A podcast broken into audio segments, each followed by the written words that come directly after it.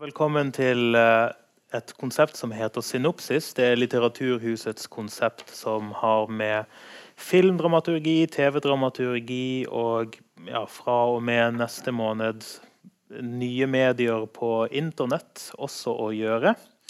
Men akkurat i dag så skal vi snakke litt om ja, både den kunstneriske kvaliteten til det vi kaller for norsk film, som egentlig er bare film som er laget og produsert her i Norge. Og det er jo et veldig vagt begrep på noen måter, og så et veldig konkret begrep på andre måter. Så det skal vi prøve å finne litt ut av.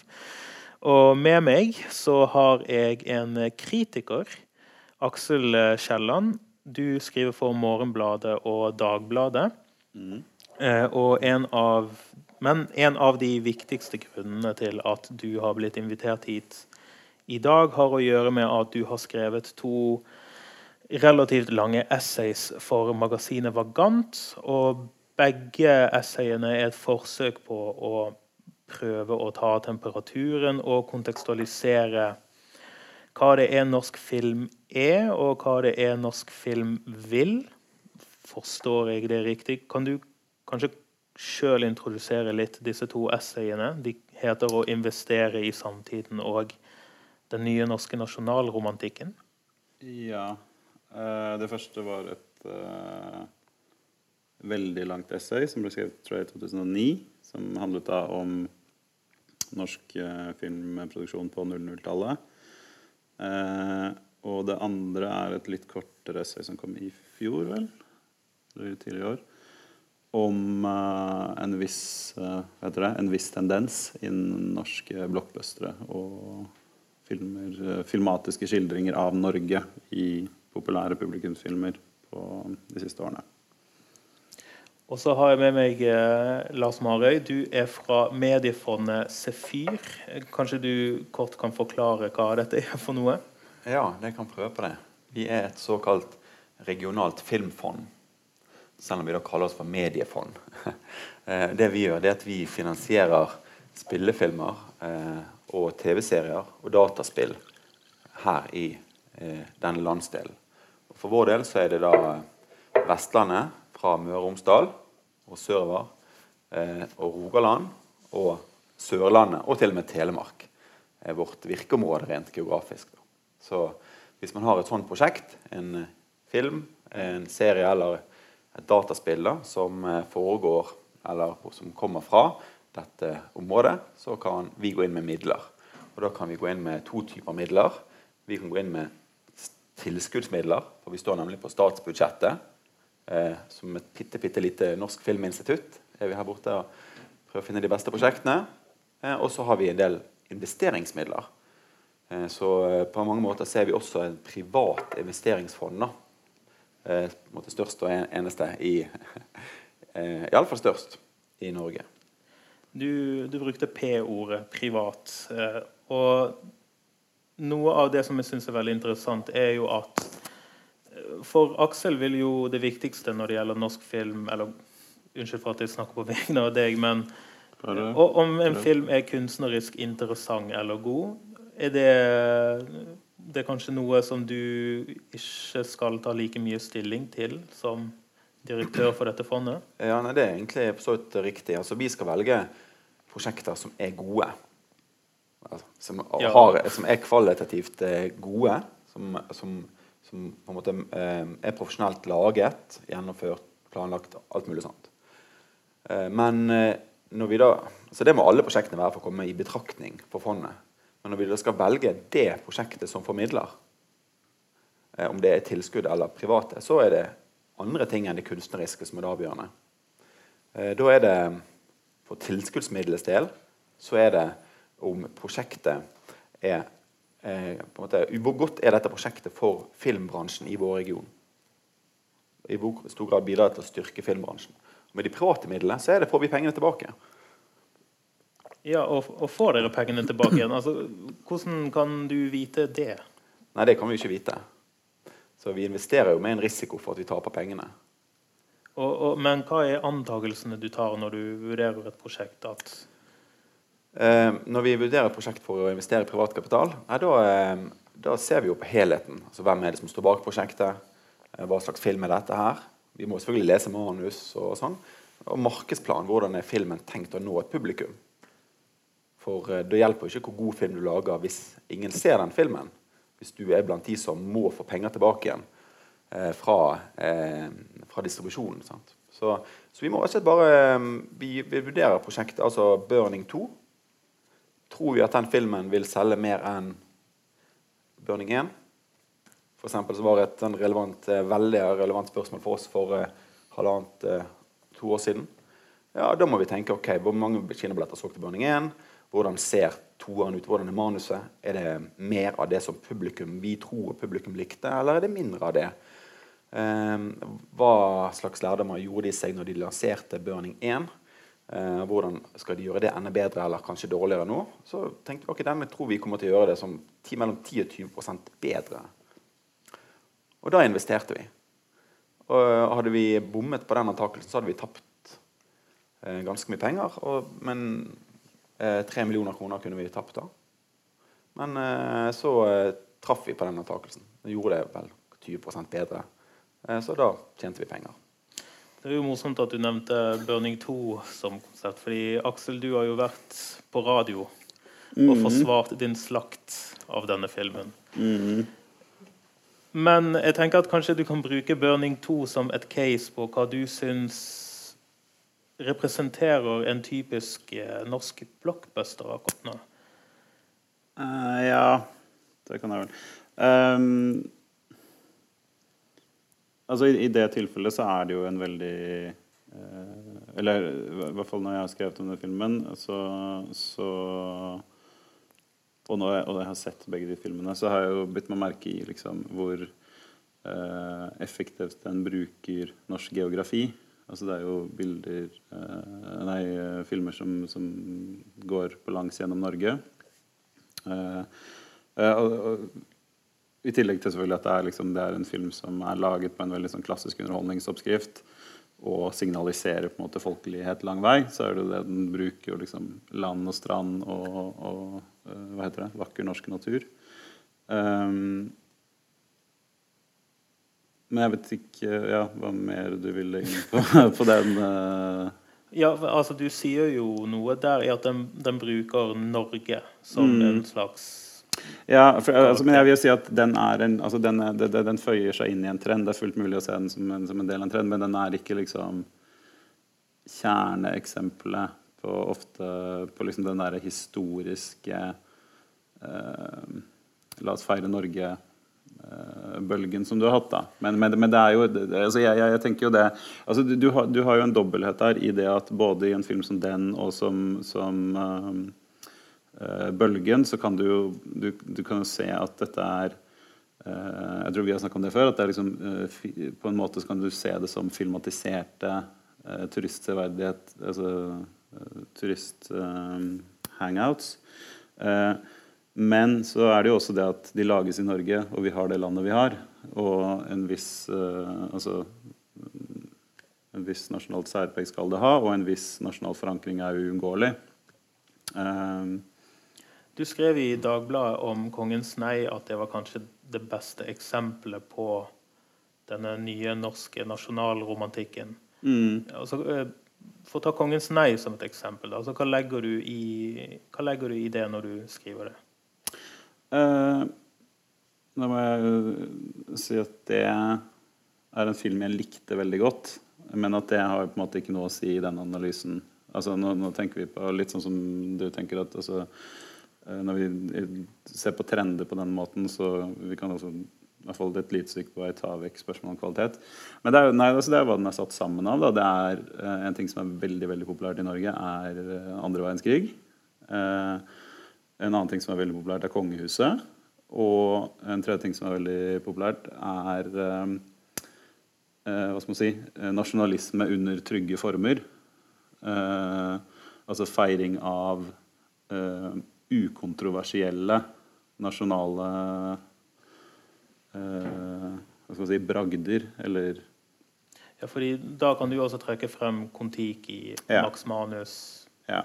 En rekke norske filmer. Mm. Tolvtemann som kommer. Ja, eh, som en eh, remake, som det heter, av filmen 'Ni liv'. det finner vi ut av.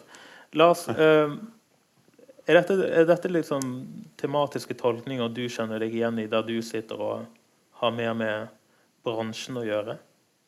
Um, ja, så disse produsentene som prøver å realisere disse prosjektene, de leter jo med lys og lykte etter filmer som de tror at Norsk Filminstitutt vil tro på. For du er jo avhengig av at noen, enten en Eller de aller fleste produsenter for de aller fleste prosjekter er avhengig av at en konsulent eller et panel i Norsk Filminstitutt, som da er statens forvaltningsorgan på filmområdet, som forvalter sånn ja, eh, litt under halv milliard kroner hvert år til film, at de har tro på prosjektet ditt.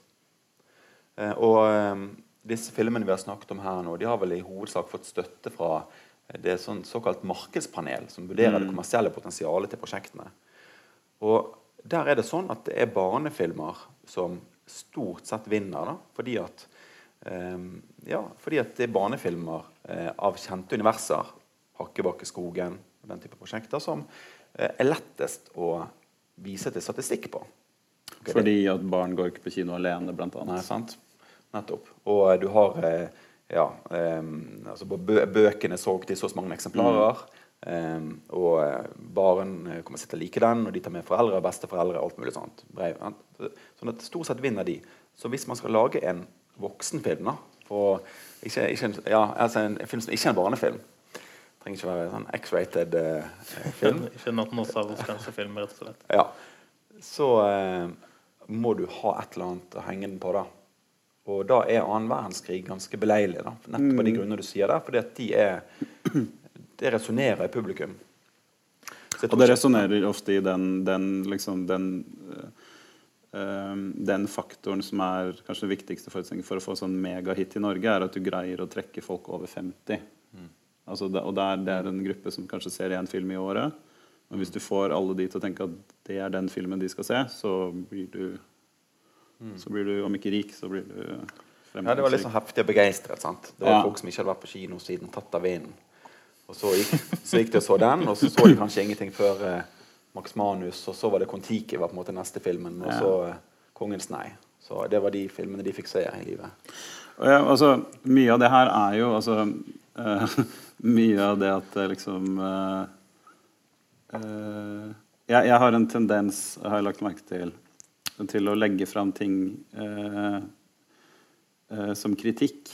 eh, fordi, er, fordi, ofte er fordi ofte, Hvis jeg vil skape en debatt om eh, Hvis jeg vil skape en debatt om film i Norge, så må du liksom eh, eller i hvert fall inntil nylig så har du måttet, eh, du måttet liksom rope ta i litt for å bli hørt, hørt fordi, for å få folk til å dra, bli dratt inn i en debatt. Og, eh, men veldig, veldig mm, få av de liksom, grunnleggende poengene mine, i hvert fall den, eh, den tekst, siste teksten om norsk nasjonalromantikk, tror jeg liksom de fleste, Jeg tror ikke det er så mange filmprodusenter som vil nekte for at de tingene er der.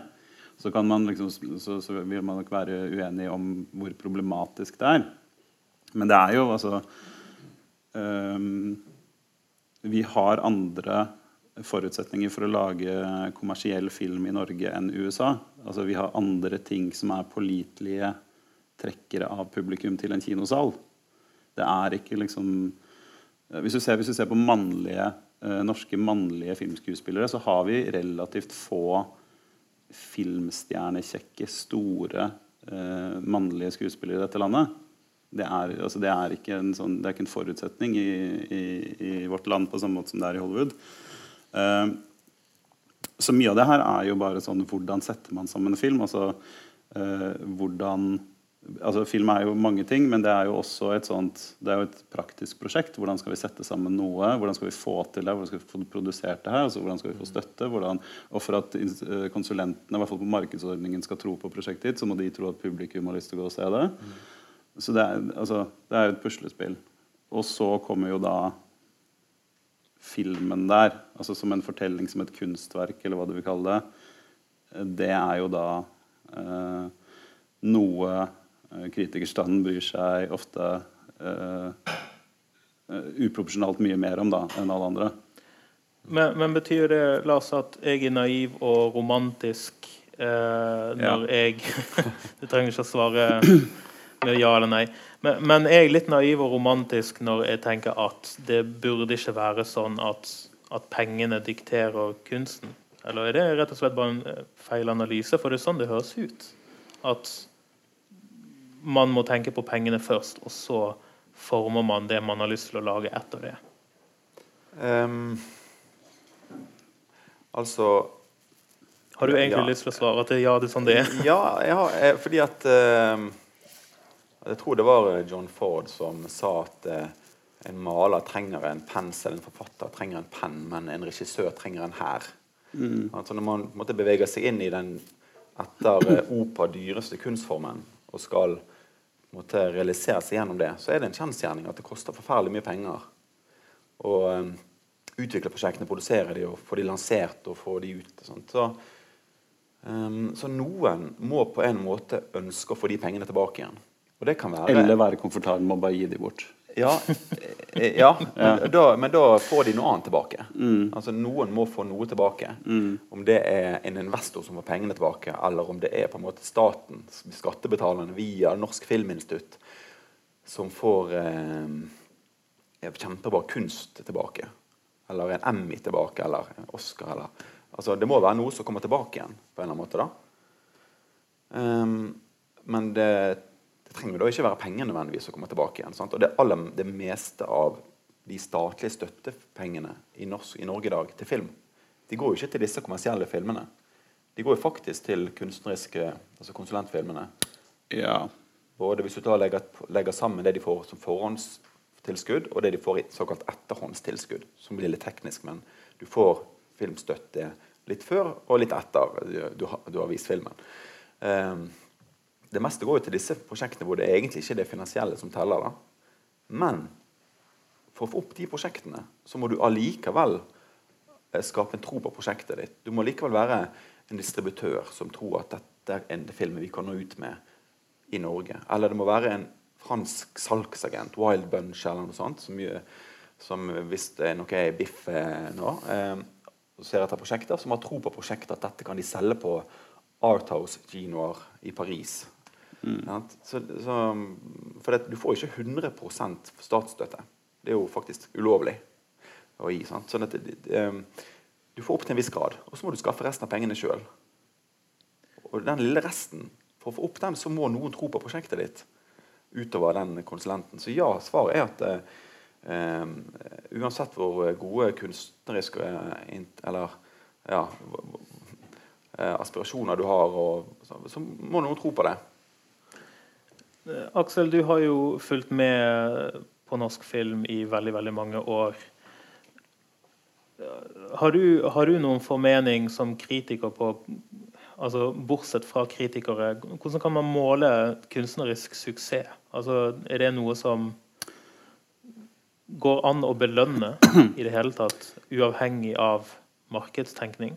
Uh, ja, for jeg, eh, jeg Hvis du snur på spørsmålet, så vil jeg kanskje si at det er det eh, Hvis vi skal peke på en sånn klar mangel ved norsk eh, film i dag, så er det at vi har ikke Vi har ikke i Norge eh, noe sånn eh, vi har ikke et rammeverk, vi har ikke et kritisk eller hva skal man si, vi har ikke et diskursivt rammeverk for å skille veldig god film fra god film.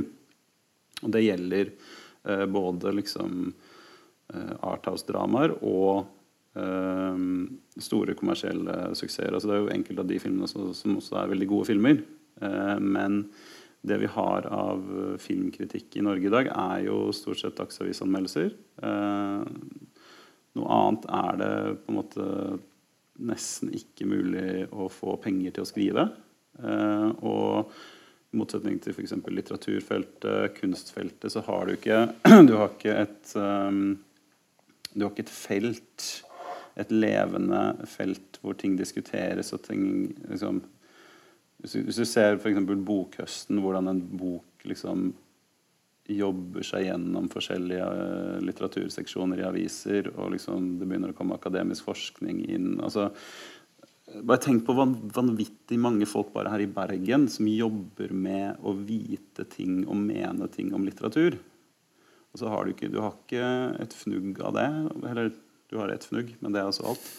Eh, på filmfeltet. Og, og, og, det betyr jo da at eh, du får liksom, altså, altså, Kunstverk er jo gjerne noe som trenger tid for å, for å bevise sin verdi, og det trenger å liksom bli analysert, det trenger å bli angrepet, det trenger å, å, å, bli diskutert, det trenger å bli revurdert. Og det har man i veldig liten grad på, noe, på, på filmfeltet. Uh, og det tror jeg det, det, er, det, er, helt klart vil jeg si, en svakhet. For du begynner å få ganske Altså jeg vil si at nivået på uh, håndverk og ideer og, og gjennomsnittlige filmer også, vil jeg si er altså, Det er ganske mye bedre nå. Altså, det, det, jeg vil ikke si at det er der problemene ligger i Norge. Men, men, men tenker du da på gjennomsnittet eller bunnivået? Eh, jeg vil si gjennomsnittet. Eh, ja. Uh, men, men det, har jo, altså det, har å gjøre med sånne enkle ting med hvor, da, hvor, mye billigere det har blitt å lage en film som ser grei ut. Altså Hvis du ser på film, eh, skolefilmer fra 10-15 år siden, så ser det mest ut som rent søppel. Fordi man jobba med billige videokameraer. og det, var, altså det å skulle liksom fargejustere en film var noe ingen hadde mulighet til å gjøre. Mens i dag så er det ting man kan gjøre relativt enkelt. og du kan, ja, du kan la, det, er, det, er, mye enklere å lage ting som ser bra ut. Um, men det vi mangler, er jo på en måte en filmkultur. da, Og så er jo da problemet at det her har skjedd um, vi, uh, vi, har liksom denne oppblomstringen uh, og liksom bedringen av forutsetninger for å lage film har foregått i et tidsrom hvor uh, filmen har tapt ganske mye plass generelt i det populærkulturelle og kulturelle terrenget til TV, hvor man ofte er det som er et, det er ofte det som definerer samtaler. og hvis du du på, hvis du ser på besøkstall på liksom kunstfilm og på norske kinoer, så har jo de en brøkdel av det de fleste liksom, Netflix-serier noen har hørt om, har. Vil jeg anta de går ikke ut med seertall, men du merker det i hvert fall i samtaler med folk. Og sånn, da. Du nevnte det i stad, liksom, hvor, hvor, lett det er å liksom, diskutere Narcos i forhold til f.eks. Uh, en eller annen, et eller annet drama som utspiller seg i byen der du er fra. Altså, um, det er, men det er jo ikke noe som gjelder bare Norge. Det er noe som gjelder uh, USA. Det gjelder kanskje de fleste land bortsett fra Frankrike. på en måte. Uh, men i Norge så har vi da Vi hadde ikke noe særlig rammeverk til å begynne med. Og nå avsløres svakhetene svakheten i det rammeverket vi hadde, desto mer. Men, men den utopien som, som Aksel drømmer om, hvor La oss se for oss at vi har en kritisk kultur da, altså med, med, mye filmkritikk og diskurs frem og tilbake. Mm. Er det noe som ville hjulpet deg i ditt arbeid?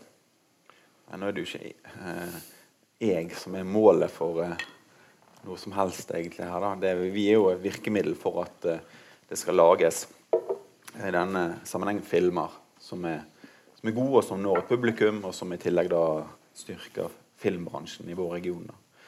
Uh, men uh, nei, det, det ville helt klart hjulpet. Det ville kanskje, so, det ville kanskje hevet bunnivået da, på publikum. Altså at, fordi at det vi ser nå, er at vi den, Jeg snakket i sted om etterhåndsstøtte, som er en sånn box office bonus, kalles det internasjonalt. da.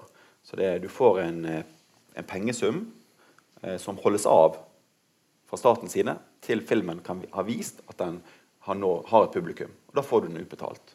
Og For disse kunstneriske filmene så er det 10 000 kinobilletter i Norge. Og Da jeg begynte denne jobben her i 2006, så var det helt utenkelig at en norsk film som var statsstøttet, ikke skulle klare å selge 10 000 billetter. Um, jeg tror det var Pax som fikk æren av å være den første uh, som ikke klarte det. Uh, og så um, var det vel nesten ingen. Og så var det en vi var med på, dessverre, da, som, som, heller ikke klarte det, som het uh, Dirk Ohm. Um, og, nå, men bare, det var da to-tre år siden. Ja. Og nå har det jo blitt fryktelig mange ja. som ikke, ikke, når opp der. Ja, sant? Um, så dette er jo prosjekter som da noen har hatt veldig tro på. Um, og gått inn med ganske mye penger eh, for å produsere, så blir det bare ikke sett. altså. Av mer enn et par tusen nordmenn. Sånn, det kan godt tenkes at det du sier der, ville gjort at 10 20 000-30 000 hadde sett de fleste av disse filmene. Eh, sånn som det var i gode, gamle dager. da. Men det er ikke sikkert. Det kan være at de Nei, det, det vet ikke jeg heller. Men jeg, altså jeg, jeg tenker på det fra et rent sånt um, Altså, nei. Jeg, jeg, tror nok det ville betydd noe for publikum og generell interessen. Man ser jo det, altså uh, Hvor mye penger som på en måte uh, brukes uh, til, til, formidling av kunst og kultur generelt. Altså, hvis, hvis, hvis, pengene forvaltes skikkelig, så funker jo formidling. Det er en grunn til at man driver med det. og, det og, og, og da, ser jeg det, da ser jeg jo da kritikk som en ene spekter av et formidlingsarbeid altså som handler om å uh, skape et forhold til uh, levende bilder. På samme måte som folk har til billedkunst, til, uh, til, litteratur. Så er selvfølgelig den store forskjellen er jo det at litteratur og billedkunst er jo felt hvor det er mye lettere å argumentere, altså legitimere små publikumsgrupper. fordi på litteraturfeltet koster lite å skrive en bok, annet enn en fritid og tapt arbeidstid. Og, og, i kunstverden så har man på en måte alltid hatt, hatt en sånn uh, elitetenkning som gjør at uh, det er greit at uh, ikke så mange ser det, så lenge de riktige menneskene ser det. mens på filmfeltet har, har, man jo alltid altså Film har vært masseunderholdning, og i, i, Norge så har det jo det har jo vært definert som, som, som næring ofte, snarere enn kultur. Altså fordi, altså, det har jo Kinoer i Norge har historisk sett vært eid av eh, kommunene og drevet som inntektskilder og liksom finansiert eh, oppussing av torg og svømmebassenger og sånne type ting. Eh, og, og, det er jo en modell som virkelig liksom uh, som, som uh, har satt forutsetning for hvordan vi snakker om og forstår film, og som nå er i ferd med å forsvinne og eller i hvert fall bli erstatta delvis av noe annet. Da. Altså kommersielt eierskap og, og alt hva det kan føre med seg.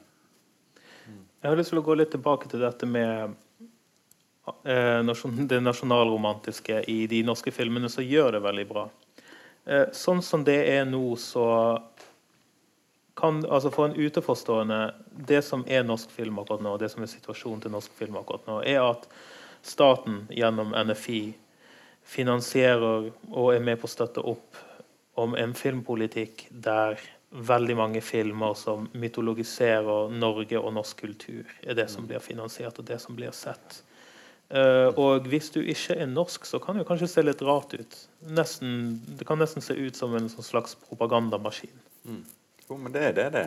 Altså, ja, altså er det, så, er det, så, enkelt at eh, det er en sånn soft power-politikk hvor man skal eksportere Norge både utover og innover? Ja, altså norsk film eh, skal jo eh, altså Mandatet til Norsk Filminstitutt, og for så vidt oss, da, som eh, i den grad vi, vi, bruker av statens penger, er jo å eh, sørge for at det lages norsk film på norsk språk Altså Språk er veldig viktig. Mm. Av høy kvalitet, som når et bredt publikum. Eh, og som omhandler eh, norsk kultur, historie og samfunnsforhold. Så dette er jo det er norsk, norsk, norsk. Det er, det er motivasjonen eh, for, for, hvorfor eh, man bidrar. Og det er jo et godt poeng, og du har det der klassiske retoriske spørsmålet. For hvis ikke vi gjør det, hvem skal mm. da gjøre det? Ja, sant. Ja. Og, og, så langt så er jo ikke det noe problem. Problemene oppstår vel først når, når uh, disse skildringene uh, oppleves å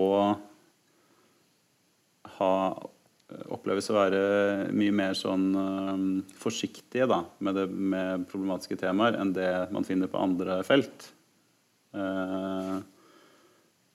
Og det, og det altså det er, jo ikke noe, noe problem å lage Det er jo ikke noe galt i å lage en film om andre verdenskrig. Uh, men det virker uh, Jeg syns det virker veldig rart å liksom lage den samme typen film om andre verdenskrig igjen og igjen og igjen. og det er veldig lett å forklare hvorfor man gjør det, fordi at det fungerer, det går godt, og folk har lyst til å gå og se det på kino. Men da er det liksom uh, kritikerens eh, selvpålagte mandat om å prøve å skape så mye dårlig stemning om det som mulig, sånn at folk begynner å reagere og uh, begynner å forvente noe annet. Uh, og så er ofte det som skjer, at de begynner å bli lei av kritikeren i stedet. Men man kan jo prøve. Men, men for å ta opp et, liksom en annen noe som jeg syns er problematisk med mye av det som er tilstanden til norsk film akkurat nå, er at det er jo store deler og betydelige deler av Norges befolkning som egentlig ikke ser seg sjøl på kino, og ikke ser seg sjøl bli brukt penger på av et veldig viktig og toneangivende kreativt miljø. Bergensere. Bergensere, f.eks. Men også minoriteter som har vært liksom, i landet siden andre verdenskrig. Innvandrere. Det er veldig få kvinner i hovedrollene til de aller største filmene. Og en av de største innvendingene du hadde mot f.eks. 'Burning 2', var jo Kvinne... kvinnesynet til filmen. Men, Ja, eh, men bare sånn for å ta på det altså, Mye av det som gjør at jeg reagerer også, er altså, Nå er jo jeg eh, hvit eh, østlending med liksom veldig standard legning. Eh, men jeg, det er jo mye av det som gjør at jeg ofte reagerer, at jeg føler at heller ikke at jeg eh, speiles i de filmene. Selv om jeg gjør det på et sånt veldig sånn overfladisk nivå. Men jeg føler ikke nødvendigvis at de snakker til meg. Um, Når det gjelder burning, så er nok det riktig. Um, jeg fikk høre at uh, en gjennomsnittlig norsk film da, mm. har 20% av besøket sitt på Oslo-kinoene. ja. Mens Burning hadde bare 10 Det gjaldt både. Burning 1 og 2. Da, sånn at den appellerer bare halvparten så mye til eh, Oslo-boere. Ja, eh, nå, tenker, ja, nå, tenker jeg, nå tenker jeg mer spesifikt nå. Men, men det er jo også en av, klart at en av suksessene med de filmene der, er jo det at de har eh, Altså de har greid å bygge eller finne og rette seg inn mot et publikum over hele landet.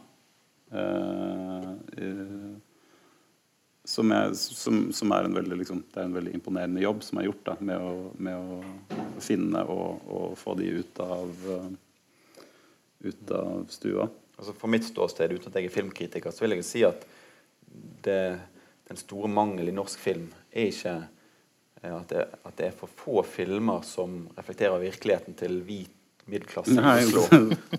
nei jeg, snakker ikke, jeg snakker om meg. Men, uh, nei, men altså uh, Det er to forskjellige nivåer, da. Uh, altså det ene er ene er det hva du faktisk ser, og det er selvfølgelig det er noe helt annet enn at jeg føler ikke at liksom film snakker Altså norske filmer snakker til meg med samme presisjon som f.eks. mange franske eller amerikanske gjør det.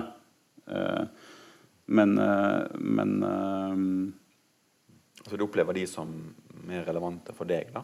De franske? Ja, altså i, det, i den forstand at de ofte tar tak i liksom eh, mer, hva skal vi si, mer sånn spesifikke, presise problemstillinger. Eh, så, så opplever jeg ofte det, ja. Men tilbake til det du, det du ville snakke om. Nei, altså Jeg, må si, jeg syns ja. jo det er flott at, at du får eh, eh, dekket det behovet, iallfall delvis gjennom franske og tyske eh, filmer. Så det er jo, det er jo et eh, in, Det er jo en internasjonal eh, arthouse-scene, også på film. Eh, tenker ofte så Vi i filmbransjen tenker liksom på filmproduksjon som en form for sånn VM, hvor det er på en måte nasjoner som kjemper mot hverandre. da Eh, jeg sier ikke at du gjør det, men jeg sier ofte det. Liksom, for å bruke et eksempel, Det var for TV, riktignok. TV-drama. Der bestemte man seg, liksom Produsentforeningen og Filminstituttet, for at nå skal vi vinne en Emmy. Norge skal vinne en Emmy. Og så vant eh, Annike von der Lippe en Emmy for et par år siden for eh, eh, 'Øyevitne'. Og da var det sånn Ja, flott, da har vi vunnet en Emmy, og da kan vi gå videre til neste mål. Og det var en gullpalme eller Oscar. Oscar, eller noe sånt. Jeg syns det ble fullstendig tullete. For det er jo ikke noen Det er jo ingen som vinner eller taper fordi at de er norsk. Ja, Det etternavnet der er jo litt suspekt i tillegg. Så, Som det er Lippe. Så, Sant? De, de visste ikke engang at han var norsk. Eh, Før denne praten så fortalte du meg at du hadde snakket med noen fra Sundance, en veldig viktig filmfestival i eh, USA, eh, om hva de syntes om tilstanden til norsk film. For Ja. i Norge så er det en bred enighet om at norsk film er mye bedre nå enn det var før. Men det du fikk høre fra Sundance, var jo at det var jo ikke nødvendigvis sånn de så på saken. Ja, ja altså, det var nettopp det at uh, det var en fra Sundance som var invitert inn på et sånn bransjeseminar og for å snakke om norsk film. Og, og satt alle og gledet seg til at han skulle si sånn Ja, å, det er blitt så utrolig mye bedre enn det var, og dere gjør en så god jobb, og sånn. Uh, og det han sa, var jo nettopp det at uh, han vet jo ikke hvordan gjennomsnittlig den vanlige norske filmen er. Han ser jo bare de toppene som på en måte når så langt som over dammen og, og inn til Sundance. Men, men, blant de få liksom, som er ruver over terrenget, så er det ca. like mange, og de er ca. like gode som de var for 15 år siden. Det syns jeg var litt uh, overraskende. Jeg er jo blant de som sier at den jobben vi gjør, da, spesielt som investor, kunne vi ikke gjort for 15 år siden. For det har vært altfor få prosjekter å tjene som gikk i pluss. da. Og det tror jeg stemmer. For vi hadde ikke så mange av de her blockbusterne den gangen. og Barnefilm gjorde det dårligere. og Norsk film hadde en lavere markedsandel. og sånn. Mm. Men det han mente, var at han vet ingenting om det. Han vet bare liksom eh, Det var liksom junkmail, altså budbringeren. og og de, eh, Det var noen sånne filmer som han la merke til den gangen, og så legger han merke til noen tilsvarende filmer nå. Og så er det ca. like mange, de er ca. like gode som den gangen. Mm. Ja, så 'Insomnia' blir ja. gjort om på nytt igjen av Christopher Nolan. 'Søndagsengler' blir nominert til en Oscar. 'Elling' blir nominert til en Oscar. Er, er, det noe som, er det noe som har kommet litt feil ut? At vi tror Altså, Hva mener man når man sier at norsk film gjør det, er så mye bedre nå? Altså, det er jo litt sånn som det du sa, med, med at vi altså Norske filmer hevder seg virkelig på, på, på kinotoppen. Altså, det har jo hatt et par år nå hvor norske filmer har trona øverst. Mm. 1, 2 og 3 i fjor. Ja. Og, og, ikke minst barnefilmer går jo veldig godt. Uh, der er det jo så å si ingen som har under 100 000 besøkende. Er det vel? Mm. Um, men jeg tror, jeg tror, det altså norsk, norsk, film var en stund i en periode jeg vet ikke om det, nå, nå, virker det rart å tenke tilbake på at det var jo en, en periode hvor mange liksom skamma seg litt over tilstanden i norsk popmusikk også. At det var liksom litt sånn Man fikk det ikke helt til. Uh, og sånn var det jo en stund med norsk film at det var uh, uavhengig av liksom hvor, hvor presist eh, eller upresist det er, men det var en følelse av at veldig mange norske filmer mislykkes på et rent sånn få til noe som ser ut som noe som ser ut som en film. Få til noe noen aksepterer som en filmnivå.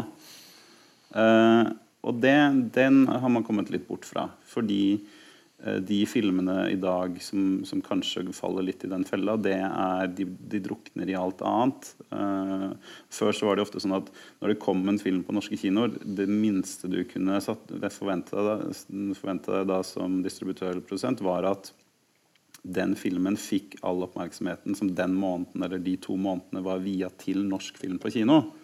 Så da gikk folk og så det fordi de var litt, eller folk var interessert i det.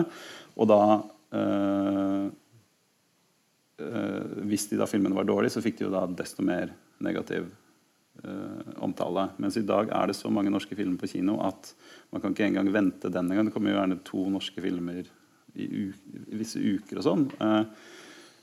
Så det, det, det, man kanskje har, da, er et norsk Man har et norsk filmfelt og norsk, et norsk gjennomsnitt som flere folk syns, uh, syns er greit. Altså Norsk film skuffer færre, men de gleder ikke nødvendigvis så mange flere på et kunstnerisk plan. Vi skal forresten åpne opp for spørsmål litt etterpå. Men jeg tenker at du er en ung person, og du har veldig mye på hjertet. Og du har lyst til å lage noe som er film, eller kanskje til og med TV. Du har lyst til å fortelle noe som betyr noe for deg, og du er veldig usikker på om det har noe for seg sånn i selve markedet. Mm. Hva gjør du da? Altså, hva er fremgangsmåten for en med litt mer kunstneriske ambisjoner, ikke nødvendigvis markedsambisjoner? Um, ok, du er, en, du er en uetablert filmskaper, kan du si, sant? og du har ikke samarbeid med en veletablert produsent. Er det liksom en del ja, av det? Liksom, altså, du, drøm, du drømmer om å uttrykke deg Du har, gjennom filmproduksjon. du har kanskje, kanskje lagd en kortfilm? Kanskje ikke det engang. Men altså, altså, hva bør man ha i mente hvis man har lyst til å gjøre kunstnerisk altså- ambisiøse filmer? Jeg ville nok begynt med å lage noe film, da, eh, hvis du skal være filmskaper. eh, og begynne i det korte formatet, åpenbart. Og eksperimentere i det. Men eh, du har jo filmskapere som opererer utenfor systemet. Som eh, Fountain of Youth, som eh, blir vist på Biff nå. Den er jo laget utenfor systemet. Den har jo ikke fått noe støtte. Den søkte vel om noen 20 000 kroner eller sånt fra Filminstituttet til å reise For, på til Bogotá? for å reise til Bogotá, men da fikk de, av, eller de fikk beskjed om at de kom til å få avslag fordi at ikke det var Ikke riktig næringskode. Nei, det var det. Ja. Og det er jo sant. Det jo, står jo i forskriften vi også har. Det. Vi kan ikke støtte det hvis det er feil næringskode. Eh, Men Altså eh, hvis, hvis selskapet som jobber med filmen, ikke først og fremst har som, eh, som daglig drift å jobbe med film eller TV. Ja. Ja. Sant? Så, og, men dessuten, altså, hvis de hadde søkt om produksjonstilskudd til denne filmen, så, så spørs det om de hadde fått uansett. Fordi at vi, I regelverket som er nå, så er det sånn at du må ha en track record. Du må ha laget film på et visst nivå, hatt en film i distribusjon de siste årene for å, få, for å komme innenfor. Så man har laget et slags sånn en slags catch 22 for man skal på en måte konsentrere satsingen om færre aktører. da På produsentnivå. ja, på produsentnivå. Sant? Så, sånn at eh, Hvis du virkelig har en spillfilm du vil ut med, og du er en eh, u, eller, eller, vel, ja, ikke veletablert eh, regissør, så må du iallfall samarbeide med en veletablert produsent. Eh, det ville vært mitt råd da, for å nå gjennom sånn systemet er blitt. da. For det, eh, og det er jo en bekymring jeg har, at, at regelverket er blitt så rigid. at Man risikerer å trekke stigen opp etter seg her. Eh, for det er klart Maipo som et filmselskap har ikke eksistert alltid. Motlys har ikke eksistert alltid. Og Filmkameratene har jo nesten eksistert alltid, men, men ikke helt. altså det og Fantefilm, Alle disse selskapene som produserer disse filmene som vi ser nå på kino, de kommer jo fra et sted. Så Nå fratar vi på sett og vis de nye selskapene aktørene muligheten til å dukke opp fra, fra, fra et sted. Og Da er det vi som er i regionen egentlig som har fått en ganske stor oppgave med å oppdage og løfte opp disse nye talentene. Jeg vil si at den Youth er jo en, den illustrerer en rekke problemstillinger. Da, I den forstand at det er jo det vi må kalle en kjempebillig film. Eh, men den koster likevel 100 000 kroner. Det er, altså, så det er de summene vi alltid må ha i hodet. Og det er jo også en film eh, som eh, Jeg syns det har veldig mange gode ting. Det er en veldig interessant film. Men det er en film det er veldig vanskelig å selge til et publikum fordi den er så ukonvensjonell i formen, og den er, liksom, den er jo en sånn eh, si, En uskjønn film. Eh, du merker at den ikke har eh, et veldig høyt budsjett på f.eks. lyd. da. Eh, så, så, så, så, og det blir bare flere og flere av den typen filmer i Norge. Det er jo en filmskaper som Mariken Halle. hun, har, hun sliter også med det her å få, få instituttfinansiering til sine filmer fordi hun vil produsere de selv, men hun har ikke, liksom, da, åpner ikke disse kravene. Um, og der igjen da, så, så vil jeg si at det handler om, handler om uh, er et spørsmål om liksom et formidlings- og altså et ledd hvor vi må gjøre noe mer med disse filmene når de er ferdig, enn å prøve å dytte dem inn i den vanlige kinomaskinen og håpe at publikum går og ser dem på grunnlag av traileren og anmeldelsene. Det må være, noe, det må være et større, større rom for dem. Um, men apropos spørsmålet ditt, jeg har noen venner i Oslo som driver et konsulentfirma som heter Ikke gjør det AS. Uh, og jeg vil nok si at hvis du, hvis du går rundt og har lyst til å uttrykke deg ved hjelp av levende bilder i dag, så vet jeg ikke om spillefilm er det jeg ville valgt. Altså Hvis vi ser reelt på den mest betydningsfulle norske liksom, AV-fortellingen som er produsert de siste årene, så er det jo Skam. Eh, som, som, som, som treffer folk på et nivå som så å si ingen spillefilmer gjør. fordi at, og der, der har det noe med formen å gjøre. At det er noe som eh, folk lever med over tid. Og det, en, det blir på en måte si, en medievane istedenfor når man går ut og gjør én gang. Eh, og det er jo også det er, også, altså det er jo en, en profesjonell produksjon på en annen måte, men det er også en, en billig produksjon i det at det er noe man kan uh, Det er noe man, som er filma rundt om i Oslo i leiligheter. Liksom, det er jo ikke noen sånne store budsjetter til, til sett og reise og sånne type ting.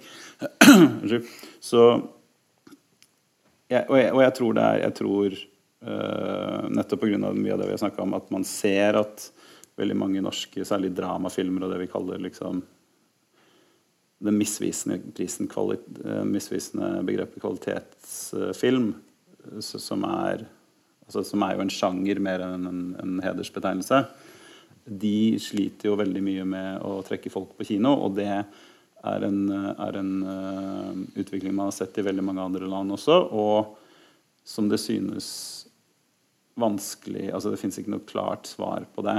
Uh, men det man da også har sett parallelt med dette, er jo at uh, kvalitetsfilm er ofte synonymt med drama om vanlige mennesker. Og det har jo har man jo fått en stor oppblomstring av på, på TV eller hva skal man si, streamingfronten. Mm. Lars, eh, er du optimistisk på vegne av såkalt kvalitetsfilm og uetablerte kreative mennesker som kunne tenke seg å lage spillefilm? Eller er du like pessimistisk som det Aksel er? Nei, eh, OK. Det er ikke pessimisme. det må Ja, men unnskyld, fortsett. Nei, nei. Um, altså Jeg tenker vel at uh, kinofilm er bare mulig, et mulig medium.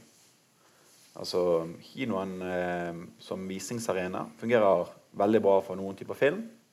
Og står sånn sett sterkere enn noensinne. Pussig nok. sant? Altså, eh, den konkurrerer jo mot stadig nye duppeditter eh, og tidstyver. Men kinobesøket holder seg utrolig stabilt. Det er helt merkelig å se hvor stabilt kinobesøket er. Det totale besøket. Det totale besøket. Ja. Og det norske besøket er også veldig uh, høyt og stabilt. Sant? Det er tydelig at folk etterspør en viss type film på kino, og eh, de setter pris på at også er laget noen norske. Men det er jo et lite antall av filmene som står for det aller meste av besøket. Eh, det, det, liten, det, har vært en stund hvor det var sånn som du sa at eh, norsk film ble så kraftig eksponert. Sannsynligvis er det som er årsaken at de fleste filmene ble sett av ganske mange mennesker.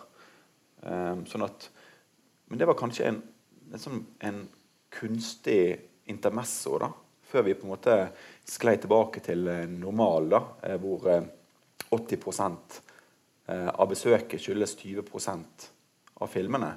Sånn som det for så vidt er i nesten alle andre næringer. da, At 20% av produktene står for 80% av salget. Mm. Og, og, og, kino har kanskje bare Film har blitt sånn. Okay, så, så må vi kanskje erkjenne at det er sånn. da. Og ehm, så må vi jo spørre oss hvor mye ressurser vi skal legge inn på å presse de andre 80% da inn i den arenaen. Eller kanskje det fins andre arenaer som er mer like hensiktsmessige både for kunstnerisk eh, utfoldelse, men eh, hvor du da også samtidig møter et publikum der hvor publikum ønsker å bli møtt. Så at eh, jeg eh, tror kanskje at eh, den kunstfilmen din kommer til å slite stadig mer. Eh, den, for at den skal lykkes, så må eh, produsenter og distributører jobbe mye mer med hver enkelt film. Og som Motlys eh, eh, sa etter 'Load on the Bombs' ok, nå er det slutt på liksom vanlig distribusjon. Nå må, vi, nå må vi gjøre hver eneste visning til en event. Mm. Og eh, Hoggeren, som eh, eh, Merfilm her i byen eh, lanserte i vår. Akkurat samme. Sant? Jobbet knallhardt. Kjempet for hver eneste seer. Eh, I alle mulige kanaler jobbet de. Og den gikk på kino kjempelenge. Ja, sant? og den fikk goodwill fra kinoene. Ja. Så, så, kanskje noen færre filmer med en større innsats kan ha et liv på kino. Men eh, det er det som trengs, ellers så forsvinner eh, ja. filmen fra lerretet. Jeg har to korte innspill der. Uh, jeg tror du har rett, men jeg tror også en ting er å bare få bedre storfilmer. Altså når, det, når, vi snakker om, eh, når vi snakker om store, altså de virkelig gode amerikanske filmene, så, så, er jo mange av de er jo store blockbustere, i hvert fall innen sin tid. Uh, um, en film som liksom Har du et eksempel? Ja, altså alt fra liksom High Summer til Eksorsisten og altså den gylne perioden. Og du kan trekke liksom, til Mad Max Fury Road. En kjempegod film.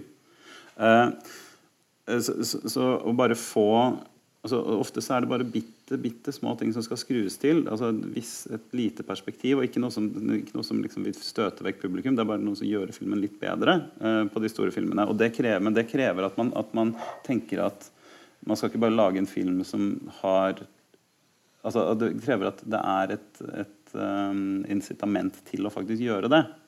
Og eh, da over til det andre punktet, som er noe viktig som skjedde relativt nylig, er det med at uh, Joachim Trier og, og, de andre som var med og lagde Thelma, de, sa, de trakk filmen sin fra, fra å bli betrakta i forhold til neste års uh, Amanda fordi Inntil da så inneholdt den uh, prisen en klausul om at, at uh, prisen for, for, for, beste film uh, det, det, har inneholdt en klausul om at filmen måtte være liksom folk... Eller jeg husker ikke, jeg vet ikke om du husker formuleringene. Men altså, den måtte, den måtte nå bredt. Ja, måtte, måtte, nå bredt. Og det er litt av det, det er mye, Akkurat i den formuleringen så ligger veldig mye av det jeg har som jeg er opptatt av, som nemlig er vi har ikke hatt noen tradisjon på å skille veldig gode filmer fra gode filmer. Det, de i Norge.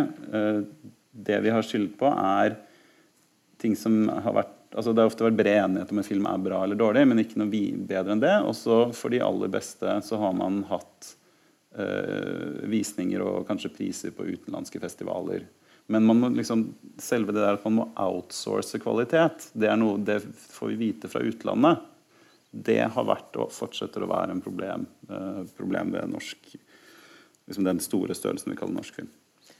Og med det så har vi brukt opp eh, tiden vår. Eh, tusen takk til alle oppmøtte. Dette blir altså da en podkastinnspilling, og Litteraturhuset sin podkastfeed er vel verdt å abonnere på. Der kan du høre både denne og andre arrangementer, og f.eks. neste arrangement som blir med YouTube-stjernen Pia Tid. Det blir da den første mandagen i november. Eh, takk til alle som møtte opp, og en varm applaus til Aksel Kielland og Lars Marøy.